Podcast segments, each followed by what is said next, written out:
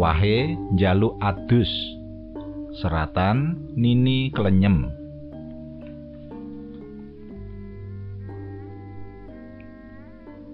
puluhan tahun kepungkur ing kampung Karangsari pinggiran Surabaya ana bocah lanang loro kekancan raket wiwit SD nganti wektu kuwi wis padha lulus SMA Sakwise lulus SMA lelurene kepingin enggal kerja awit arep mbacutake kuliah wong tuane ora duwe ragat. Nanging golek gawean uga ora gampang. Tumrap lulusan SMA kaya bocah loro kuwi.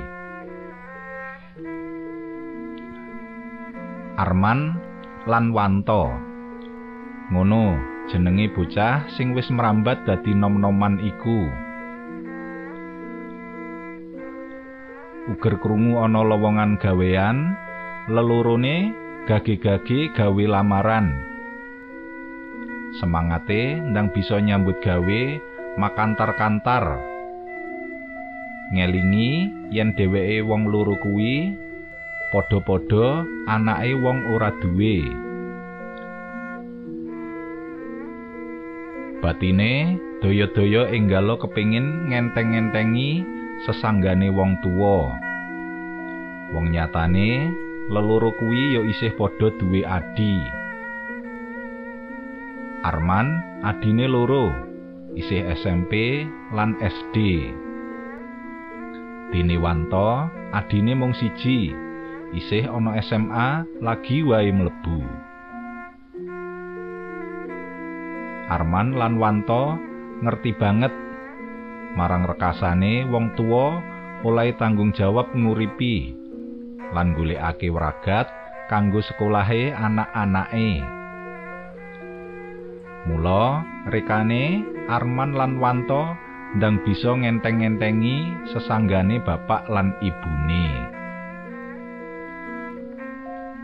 Pirang-pirang lamaran wis dikirim. Ning ditunggu nganti setahun kok ora ana panggilan.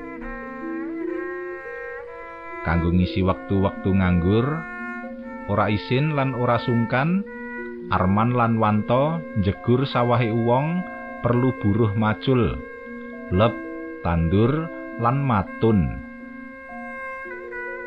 Mengko yen sore mulih pituas padha diwenehake wong tuane. Ngono iku nganti sawetara suwene. Karo ngenteni, mbok menawa ana layang panggilan kerja. Ing wayah sore, bubar surup, Arman dolan ning gone Wanto. Ngepasi, Wanto delek-delek ning lincak ngarep omah. Weruh tekani Arman, Wanto menyat metukake. Banjur ngacarani lungguh ing lincak kono. Bocah loro banjur omong-omongan. Wanto ndisiki rerasan sremu gresah. Piye yo Ar, awake dhewe iki? Apa sakjeke ya mung arep dadi buruh macul kaya ngene iki? Mongko yen diitung ya rekoso tenan jare. Ora sumbut karo kesele. Dibayar telung puluh ewu sedina mbetetet.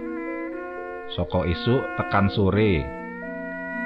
Arman mangsuli kanthi tanpa greget. Lawitekno piye? Yen nuruti rasa, aku ya wegah banget kok.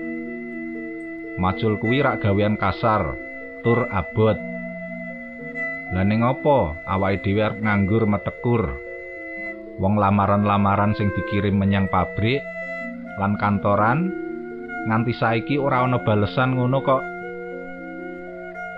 Wanto ora mangsuli. Ing batin benerake kandhane Arman. Usanane bocah loro meneng. Kahanan amem. Sajake padha ngumbar gegasane dhewe-dhewe.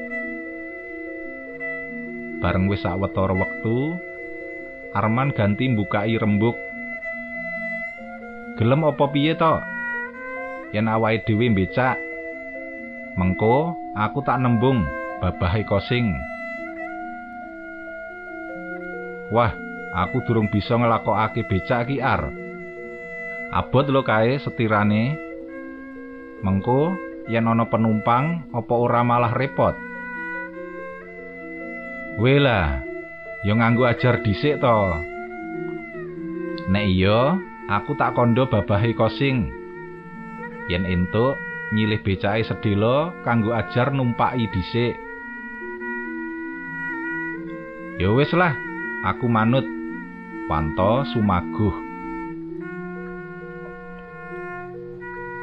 Esuke Arman sida nembung babah kosing ngenani pepinginane ajar becak iku.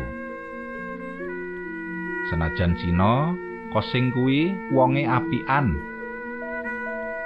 Tumanggape marang kabeh sing nyewa becake grapyak sumanak. Kosing ngerti tenan watake bocah loro kuwi. Wong omahe tunggal kampung.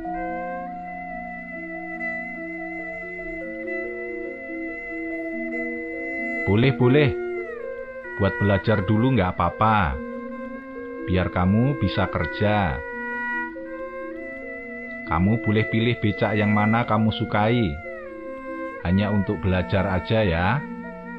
Kandane juragan becak iku. Karo ngajak menyang gudang penyimpenan becak sak pirang-pirang.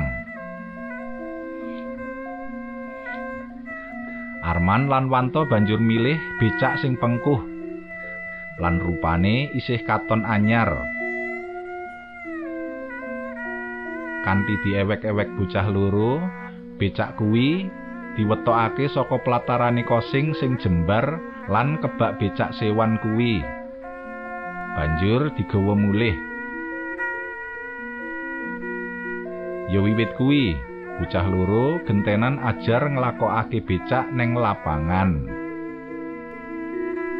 Bareng wis sepasar lan wis rada apal, ganti ajar mancal neng lurung-lurung kampung.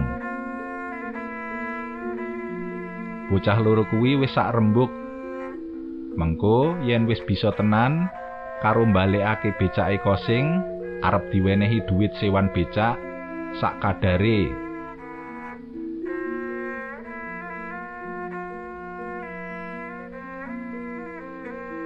Tenan, bareng Arman lan Wanto wis rumangsa bisa becake dibalekake menyang kosing.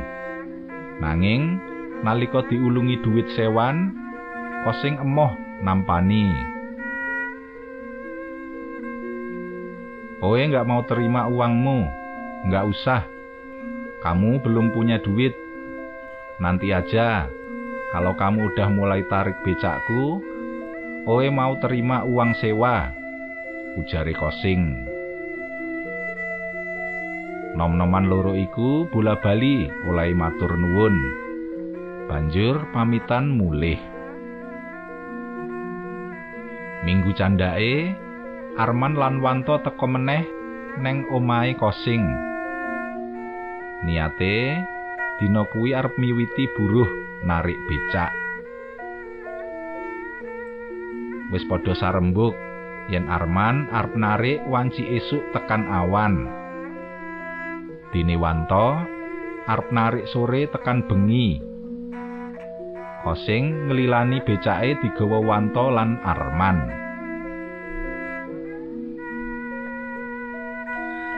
Tekan jobo Wanto kondo. Wis, kene ar. Saiki aku sing dadi tukang becake. Kowe lungguh kaya penumpang. Aku tak wiwit praktek tenan. Ning ati-ati lho to. Adate kowe iki sok nekat. Ora wis ar, aku wis bisa tenan kok. Arman munggah jok. Wanto mapan neng sadel. Becak wiwit melaku neng ratan gede. Dalane pancen jembar. Tur aspale rata. Mula wanto gayane kaya wis mahir wae. Anggone mubeng-mubeng wis ana setengah jam. Kringete gobyos. Mula niate becak arep digawa mulih. Ganti Arman sing arep miwiti narik dina kuwi.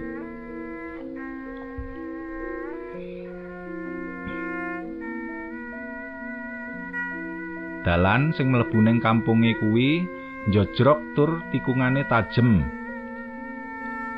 Wanto lali tanpa ngerem becak sing playune sansaya banter. Saka arah liya ana truk tangki lenga sing dumadakan jedul. Saka tikungan tanpa nglakson. Wanto geragahan kaget ning becak wis kebacut belandang. Banjur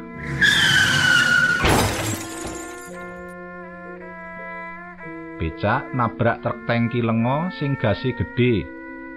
Merga dalane munggah. Suara tabrakan cukup seru lan gawe kagete warga sak kiwa tengene papan kono. Becak mungsuh truk tangki, sepiro banggane. Arman mencelat adoh. Tiba ning aspalan, kutah getih. Wanto mengkurep ning ngisore truk tangki. Lelurune padha-padha ora obah. Dene becake dadi angka 8. Reguduk wong-wong nyedak lan tandang tetulung. Nalika digotong minggir, Arman lan Wanto ing kahanan ora eling.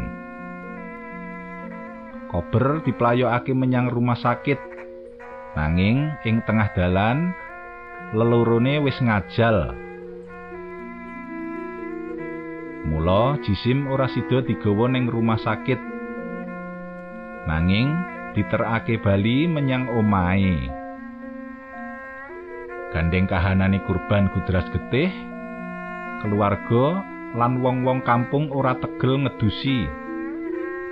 Mula sesepuh kampung kono mutusake yen jisime kurban kecelakaan iku terus wae dikafani, diupacarani sawetara, banjur dikubur.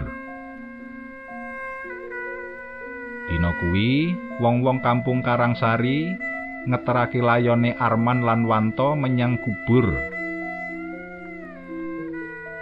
Sawetara padha ngrasani Arman lan Wanto.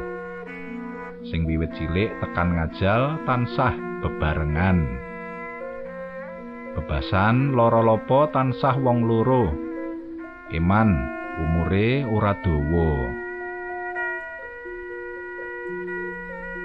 Kocapo telung dina sakwise lelurune tinggal donya, warga kampung kono angger bengi krungu swara ngrintih. Suarane bocah loro sing tetangisan.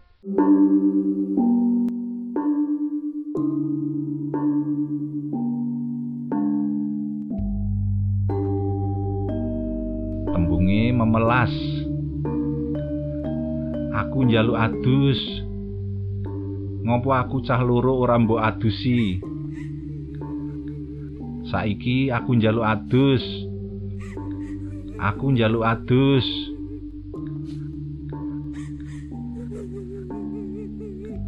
Tangis mau nganti bar dipitung dinani isih terus wae keprungu.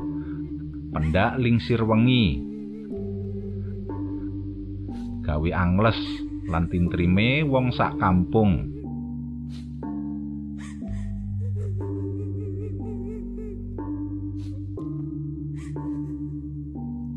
Maklum, nadyan manggon ing wewengkon Surabaya, nanging Karangsari mono daerah pinggiran. Dadi isih ana sawah lan lahan kosong akeh. Yen bengi kahanane sepi.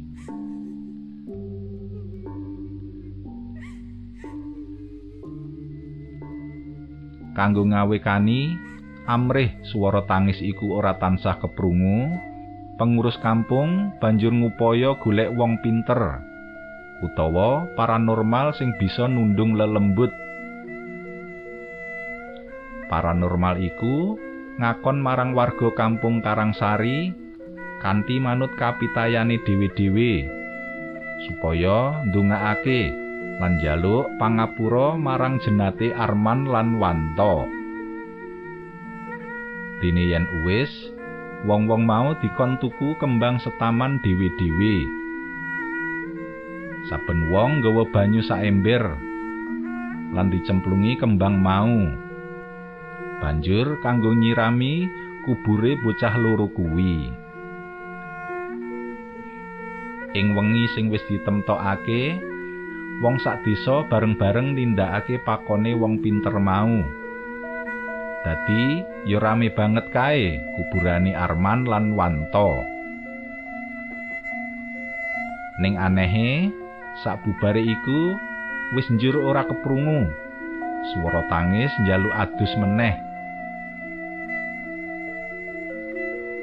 Kedadian ing dhuwur mau mujudake cerita nyata sing diandharake kanca sekolahe penulis sing dedalem ing Surabaya. Dene percaya lan orane sumangga para maos.